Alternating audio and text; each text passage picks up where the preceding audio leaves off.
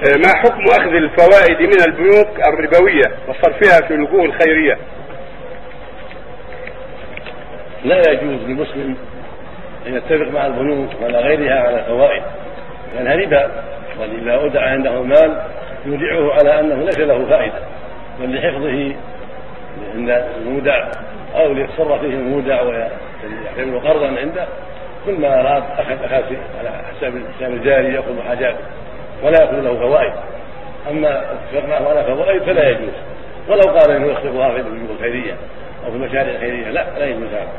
لكن لو قدر أنه جهل هذا الأمر من جهل هذا الأمر وقبضها ما درى أو يحسب أنه جائز فإنه لا يردها إلى البنك ولا يردها إلى المصرف بل تصرف في مثل فقراء محاويج مثل اصلاح طرقات مثل اصلاح مشاريع تنفع المسلمين أندية يصل منها الناس طرق ينتفع بها الناس.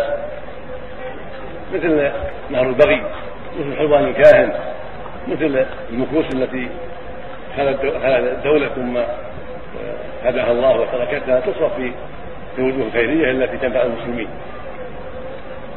مثل المال الضائع الذي ذهب صاحبه ولم يعرف وأشبه ذلك.